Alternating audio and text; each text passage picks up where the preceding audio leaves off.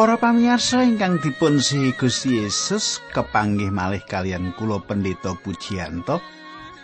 Kados padatan kula bari sesarengan kalian panjenengan wonten ing satunggalipun adicara ingkang dados kelangenan panjenengan. Inggih menika adicara margi utami. Adicara menika penting kangge panjenengan ingkang remen anggegilut pangandikanipun Gusti. Awit saking menika sugeng midhangetaken adicara menika.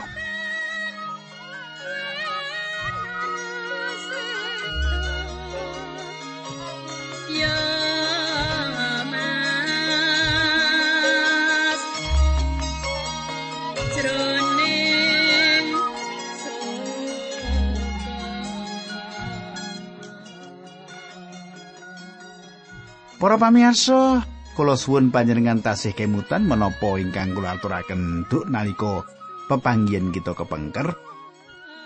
Wonten ing pepanggihan kepengker kula badhe ringkes sekedhik kita sampun nyemak saksampunipun kapal rombonganipun Paulus menika nyilem nggih. Paulus lan para penumpang sanes ingkang ndirik kapal menika lajeng darat wonten ing Pulau Malta. Lan kita badhe terusaken ing ditika nanging saderengipun menika monggo kita ndedonga nyuwun tuntunanipun Gusti. Duh Kanjeng Rama ingkang ada dampar wonten kraton ing kasuwargan, kawula nyuwun tuntunanipun Gusti ing wanci menika supados menapa ingkang kawula andharaken menika saestu dados berkah kangge sarak kadang kawula menika. Dinambaran asmanipun Gusti kawula Yesus Kristus kawula ndedonga haleluya amin.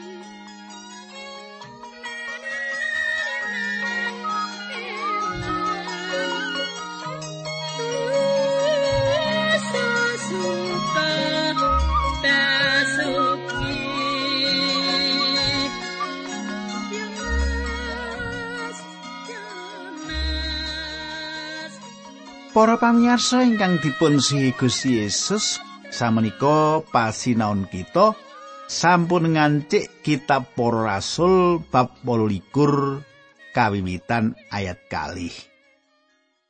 Kula badhe maosaken makaten swarasipun. Wong-wong pribumi ing pulo kono tangkepe marang aku kabeh becik banget.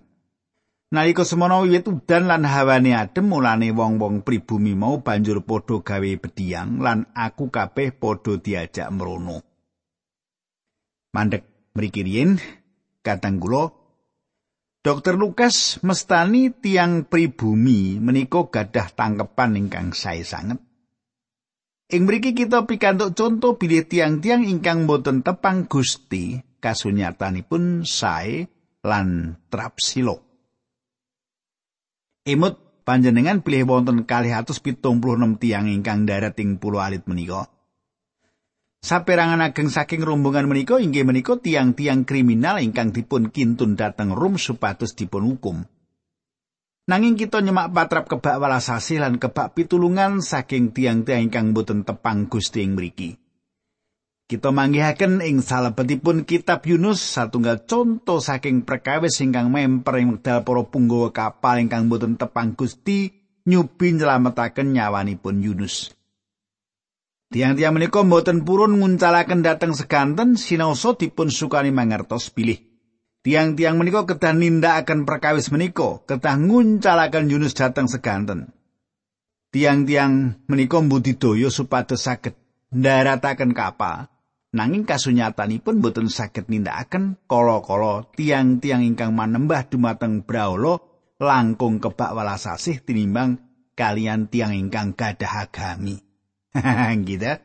Ah, wong ngeteke papaning pangibadah, bro ge, gitu. Ora setuju. gitu. Kala-kala malah kados makaten nggih. Jare ini manembah Brahala ning kok ana srike, gitu. Ayat 3. Rasul Paulus uga melu ngumpulake kayu-kayu lan nalika lagi numpangake kayu-kayu mau ana ing dhuwur geni dumadan ana ula sing merga panasing geni metu saka kayu-kayu mau lan nyokot tangane Rasul Paulus. Kadang kula ing pungkasan saking Injil Markus wonten janji ingkang mekaten. Wong sing percaya bakal padha diparingi pratandha ya kuwi bakal kuasa nundungi demit nganggo nyebut jenengku bakal padha clathu nganggo basa sing wong-wong mau dhewe padha ora ngerti tegese. Menawa padha nyekel ula utawa ngombe racun ora bakal ngalami bilai semangsa padha ndemek wong loro sing loro bakal mari. Markus 16 ayat 17 ngantos 18. Kulo pitados pilih tondo-tondo menika dipun watesi ngantos sing jaman saderenge perjanjian hingga rampung dipun damel. Ing wedal tiyang pitados mbetahaken tondo-tondo menika kangge gentosi pawartos Injil. Makaten satunggalipun abdi Gusti gadah keyakinan pilih tondo-tondo menika sampun rampung ing wekdal Injil menika sampun rampung dipun tulis. Makaten nggih. Nika abdi Gusti menika gadah kapercayaan ingkang kados makaten. Kamangka pilih panguwasipun Gusti menika mboten ewah gingsir wiwit-wiwitan ngantos sapunika ngita.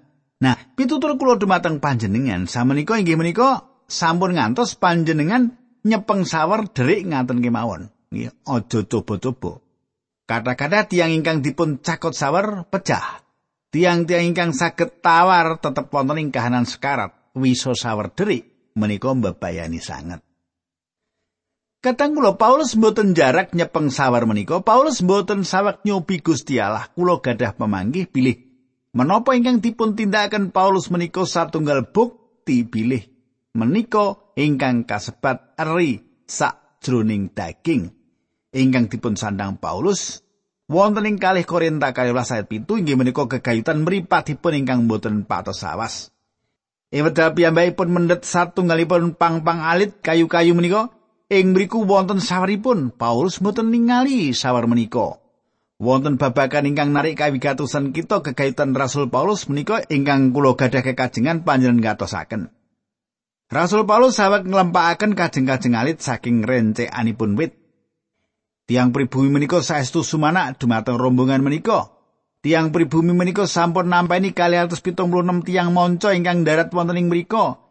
Wekdal semanten hawa serplan Jawa lan tiang-tiang wit damel bediang ageng kangge mitulungi tiang-tiang ingkang nembe dumugi saking seganten supados badanipun anget. Ing wekdal latu wiwit surut Paulus kisah pados langkung kathah pangalit-alit Cetha ing mriki Paulus sampun kulino nyambut damel. Ing wekdal Paulus nguncalaken pang-pangalit ing salebetipun latu, sawar menika medal saking genen, sawar menika mboten namung nyokot Paulus, nanging anggenipun nyakot ngantos nancep ing lengenipun Paulus. Kita lajengaken ayat sekawan bareng wong-wong padha ndeleng ula kumlawer kandel ing ngastane Rasul Paulus banjur padha rasanan wong iki mesti wong kang dosa pati Sebab senajan wis bisa oncat saka bebaya ing dewi keadilan ora marangake dewi lestari urip. Para pamirsa, tembung Yunani ing mriki ingkang sinebat dewi keadilan saleresipun langkung saya dipun jarwakaken keadilan. Dheweke ora dijarake urip dening dewi keadilan kali tembung sanes tiang-tiang menika rumaos bilih Paulus lepat awet nindakaken piyawon ageng lan keadilan nyepeng piyambakipun. Piyambakipun sampun uwal saking bebaya sekanten, nanging samenika piyambakipun tentu pejah awet wisanipun sawer. Kula raos tiang-tiang menika lenggah kangge ngemataken menapa ingkang dumados atas Paulus. Tiang-tiang klowo gadah pengajeng-ajeng mboten dangu malih tanganipun Paulus badhe abuh lan Paulus lajeng pecah. Tiang-tiang menika mangertos lumantar pengalaman ingkang nrenyuhaken kados ingkang sampun dumados atas bangsanipun. Awit saking menika tiang-tiang menika rumaos badhe dumados ingkang sami atas Rasul Paulus menika. Panjenengan katasaken kadang kula bangsa ingkang boten tepang Gusti menika gadah raos keadilan. Tiang-tiang menika gadah panginten bilih Paulus menika tiang ingkang sampun tumindak mejahi sesami. Lan piyambakipun pantes nampi paukuman mekaten menika. Lelampahan menika ngetingalaken bilih ing saindengipun kekaisaran Rom wonten raos keadilan. Rom misuwur awet raos keadilanipun sanes awet saking watak welasasihipun. Dosa mboten bakal dipun apunten. Menawi panjenengan rak paugeran, panjenengan badhe nampi paukuman. Kanthi sepatu wesi Rom jagat saged sambat supados pikantuk kawelasan. Kan menika satunggalipun cecawis kangge rawuhipun Sang Kristus ingkang rawuh minangka Sang Juru Wilujeng ingkang nebus dosa supados manungsa nampeni sih kawelasan lan nampeni pangapuntenipun Gusti Allah. Kula lajengaken ayat kang salah 6. Nanging Rasul Paulus ngipatake ula mau nganti ulane tiba ning jero geni, Rasul Paulus ora krasa lara babar pisan. Wong-wong mau padha ngira yen tangane Rasul Paulus bakal abuh lan dheweke bakal tiba dadakan nuli mati. Nanging bareng wis dinteni suwe ora apa-apa, wong-wong mau nuli padha balik lan muni wong iki genah dewa. Para pamirsa, janji Gusti Allah ing salebetipun Markus 16 ayat 18 dipun ganepi ing salebetipun pengalaman Paulus menika. Piyambakipun nandang kesakitan ingkang saking wiso sawar menika ing wekdal tiang jaman samenika kanthi sengaja nyepeng sawar. Lan nuntut janji menika minangka pangayomanipun tiang-tiang menika wonten ing sakjawinipun janjinipun Gusti Allah. Ing wekdal tiang-tiang pribumi menika mangertos bilih Paulus mboten ngraosaken menapa-menapa, tiang-tiang pribumi menika mboten malih nganggep menawi Paulus menika tiang kriminal nanging kados dene dewa. Sinaosa menapa ingkang dados tetimbanganipun menika sami lepatipun perkawis menika nyukani Paulus wewungan kangge ngawontenaken sesambetan kalian tiang-tiang ing pulo Malta. Samenika kalajengaken bab 28 ayat 7. Cedhake kono ana paleman duwe Publius. Panggedene pulo kono Publius mau mbagekake aku kabeh kelawan bunga. Lan aku kabeh banjur padha nginep ana ing omahe dadi tamune nganti telung dina lawase. Nalika semono bapakne Publius lagi loro panas lan loro bebuang, Rasul Paulus banjur mlebu ing kamare wong sing loro mau nuli detungo lan numpangake tangane ana ing wong mau temahan wonge dadi waras. Kadang kula panjenengan semak. Paulus samenika nindakaken tugasipun minangka jejeripun rasul. Piyambakipun mlebet lan detungo. Ayat 9 lan 10. Weruh lelakon sing mengkono mau kabeh wong loro ing pulo kono padha digawa menyang panggonane Rasul Paulus sarta padha diwarasake. Aku padha oleh persen akeh lan nalika aku arep padha mangkat pelayaran maneh, aku padha disangoni barang-barang kabutuhane wong lelayaran. Kadang kula pitakonanipun pitakenanipun sampun kaperatelaken menapa Paulus ngutbahaken Injil ing Pulau Malta utawi mboten. Wonten tiyang ingkang pitados bilih papan menika satunggalipun papan ing pundi Paulus mboten khotbah. Menika satunggalipun conto ing pundi kula gadah pikiran Sang Roh Suci ngersakaken kita ngginakaken nalar sehat kita. Mesti kemawon piyambakipun ngutbahaken Injil. Kita dumugi pungkasaning kitab menika lan gegayutanipun lelampahan menika cekak sanget lan dumados makaten kemawon. Ing wekdal semanten Dr. Lukas gadah kekajengan kita mangertos menapa ingkang badhe dipun tindakaken Paulus. Emut bilih Paulus inggih menika tiang ingkang nyerat Sebab selawase aku ana ing antaramu, atiku wis kenceng ora arep mikirake apa-apa kejaba Gusti Yesus Kristus. Luwi-luwi bab sedane ana ing kayu salib. Setunggal Korinta kalih ayat kali. Sesarengan para rasul, kesarasan satunggalipun paseksi bilih Injil ingkang dipun gelaraken asalipun saking panjenenganipun. Saestu penting kanggenipun kita supados emut bilih Paulus ngelaraken Injil lan kesalasan menika minangka akibatipun. Kesarasan satunggalipun bukti saking kayektosan saking menapa ingkang dipun khotbahaken. Kula gagas menika satunggalipun ringkesan ingkang limrah bilih Paulus nindakaken pasami kados menapa ingkang dipun tindakaken ing pundi-pundi papan. Samenika ayat 11 sawise telung sasi ing pulau Malta kono Aku nuli padha nunggang kapal sing teka saka kutha Alexandria sing nganggo lambang Dioskori. Kapal kuwi kabeh ana ing kono saksuwene mangsa betiting. Dioskori menika lintang kembari. Kadang kula awit Paulus manggen wonten ing Malta sak dangunipun tigang wulan. Inggih cetha bilih sawetawis saya dipun paringaken dumateng kita ing mriki sanes cariyos ingkang jakep gegayutan peladosanipun Paulus ing pulau menika. Awit saking menika kula pikir kita saged yakin bilih Paulus nggelaraken Injil ing Malta. Dioskuri lambang saking kapalipun tiang-tiang satunggalipun dewa-dewa tiang Rom. tasih wonten satunggal cagak kangge tiang-tiang ing papan kangge tukar kawruh bangsa Rum. Samenika ayat 12 lan 13 bareng tekan kutha Sarakus, aku padha mampir ana ing kono telung dina. Saka kono aku padha nerusake lelayaran menyang kutha Regium, esuke ana angin saka kidul lan letrong dina aku wis padha tekan kutha Putiuli. Kadang kula prahara sampun paripurna angin saking kidul angin praros saking ler wis klewat sampun klewat Samenika angin kidul nempuh malih. Ayat 18 lan kang sawas. Ana ing kono aku padha kepethuk karo sedulur Kristen. Sawetara banjur dikon nginep ing kono nganti seminggu lawase. Sawise mengkono aku padha tekan ing kutha Rom. Para sedulur ing kutha Rom wis padha krungu kabare bab aku sak kanca. Enggone metuk aku sak kanca tekan pasar Apius lan Tarbene. Bareng Rasul Paulus kepethuk para sedulur mau banjur ngaturake panuwun marang Gusti Allah sarta nyantosake atine para sedulur mau kabeh. Kadang kula samenika Paulus wonten ing papan tukar kawruh ing Apius sepindah malih kita nyemak kados pundi panyurung tiang-tiang pitados dumateng Rasul Paulus. Ayat 16 bareng aku wis padha tekan ing kutha Rom, Rasul Paulus diparengake manggon dhewe dijogo dening prajurit siji. Kadang kula Paulus cetha disukani idi manggen ing satunggalipun griya, nanging piyambakipun tansah dipun jagi dening prajurit sejatosipun prajurit menika giliran jagi Paulus. Kadang kula para rasul waliku rakyat pitulas ngantos rong puluh, kula badhe waosaken sawise telung dina Rasul Paulus nuli ngundang para pengarepe wong Yahudi ing papan kono. Sawise padha ngumpul dikandani mengkini, para sederek kula sedaya, Senajan kula mboten kalepatan menapa-menapa dhateng bangsa kita utawi nerak adat tata cara ingkang kawesaken dening para luhur dhateng kita ewa semanten kula dipun tahan wonten ing kitha Yerusalem sarta dipun pasrahaken dhateng tiang Rom.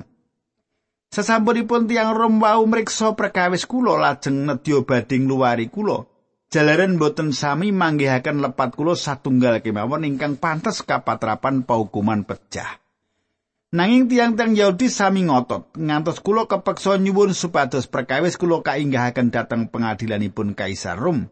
Kula piyambak mboten badhe ngajengaken gugatan menapa-menapa tumrap bangsa kula. Menika sebabipun kula ngaturi panjenengan sedaya rawuh mriki supados kula saged pirembagan kalian panjenengan enggen kula kakundur menika margi kula pitados dhateng panjenenganipun ingkang rawuhipun dipun antos-antos dening tiang Israel. Para pamirsa kita nyemak Paulus. Cara ingkang dados pakuliranipun inggih menika langkung rumiyin nyaketi tiang Yahudi. Piyambakipun nyetakaken dumateng tiang-tiang Yahudi kenging menapa piyambakipun dipun beto dhateng Rom. Nah semenika ayat selikur ngantos patlikur. Wong-wong Yahudi mau nuli padha mangsuli, kula sami mboten nampi serat menapa-menapa saking tanah Yudea bab panjenengan. Ugi mboten wonten sederek setunggal kemawon saking ngrika ingkang kautus beto pawartos sae utawi awon. Kulo kepingin sami mireng kados pundi menggah pemanggih panjenengan ing bab piwulang inggal menika, sebab kulo sami semarep bilih wonten ing pundi-pundi piwulang menika dipun mengsai. Wong-wong mau banjur padha mijakake dina kanggo Rasul Paulus bareng wis tekan dinane wong-wong mau padha teka ning omahe Rasul Paulus Wiwit esuk tekan sore Rasul Paulus nritake lan nerang-nerangake bab pawarto sing magepokan karo kratone Gusti Allah. Rasul Paulus nguding yakinake wong-wong Yahudi bab Gusti Yesus ada dasar ayat-ayat sing dipetik saka turete Nabi Musa lan kitabe para nabi. Ayat palikur ana sing padha yakin yen sing dikandhakake dening Rasul Paulus kuwi pancen bener nanging ana uga sing ora percaya. Kadang kula saking mriki kita nyemak jinis kamartikan ingkang dados gadahanipun Paulus minangka jejeripun tawanan. Piyambakipun saged nampi tiyang kathah dumugi ing griyanipun, nanging tansah wonten prajurit ingkang njagi lan ngawasi. Sepindah malih kita nyemak Rasul Paulus ngginakaken asal usulipun ing salebetipun perjanjian lami kangge mituturi tiang Yahudi kegayutan kalian Gusti Yesus. Kados pakulinanipun wonten tiang pitados, wonten ingkang minampi, wonten sing percaya, ana sing nampi. Ayat selangkung ngantos ayat 31. Wong-wong mau nuli padha muli saka kuno karo padha bebencengan. Kuwi kelakon sawise Rasul Paulus metik ayat sing surasane mengkene cocok sangat pangandikanipun Sang Roh Suci ingkang dipun wedharaken dening Nabi Yesaya dhateng para luhur kita. Makaten para nono lan kondo marang bangsa iki kowe bakal padha krungu nanging ora ngerti, kowe bakal padha ngatekake nanging ora ngerti apa sing kelakon. Sebab pikiranmu kuwi ketul kupinge wis dipepeti nganti padha dadi budhek. Lan mripate padha diremake nganti dadi wuta. Saupama ora mengkono mripate rak bisa ndeleng lan kupinge rak bisa ngrungokake lan pikirane rak bisa ngerti, temah banjur padha mertobat lan diwarasake. Rasul Paulus banjur mbacutake paseksini andadosno ing pangertosanipun para sedherek sedaya.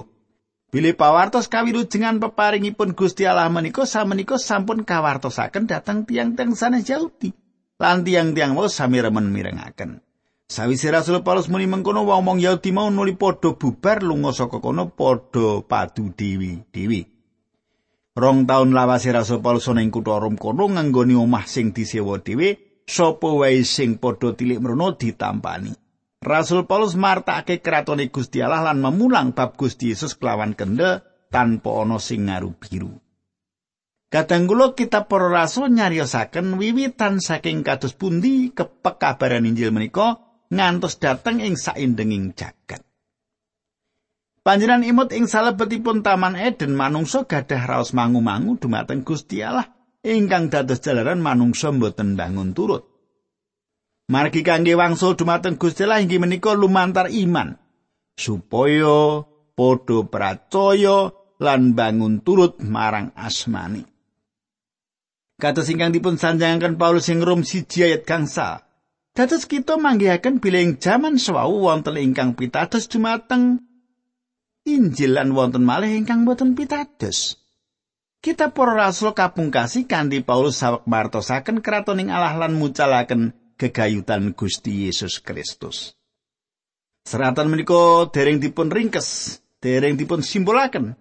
Sang Roh Suci terus makarya ngantos wekdal menika. Pakaryanipun Sang Roh Suci dereng rampung malah ngantos dinten menika.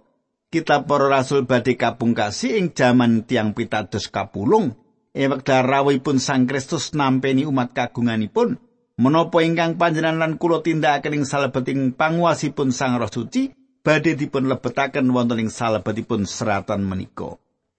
Kadang kula kita sampun ngrampungaken pasinon kita ing kitab para rasul menika. Lan ing salajengipun panjenengan kula dherekaken nyemak perjanjian lami nggih menika setunggal Samuel. Nah, kita badhe sinau saking mriku nanging saderengipun menika monggo kita tumungkul kita ndedonga nanging saderengipun ndedonga kula badhe ngaturaken salam rumiyin. Salam kula kula aturaken dumateng Ibu Esther Natalia nggih. Menika seratipun sampun kawula tampi Ibu nggih. Utawi Mbak menika nggih. Mbak Esther Natalia. Lajeng Ibu Basuki nggih menika ing Kampung Tapen. Wah, kula sampun kepanggih menika kali Ibu Basuki menika. Nah, monggo kita tumungkul kita ndedonga. Kanjeng Rama ing swarga kawula ngaturaken gunging panuwun. Nek wekdal menika kawula saged sesarengan midhangetaken sabda pangandikan paduka. Ingkang sakit awit saking pangandikan menika paduka sarasaken Gusti. Linambaran asmanipun Gusti Yesus Kristus kawula tunggu haleluya. Amin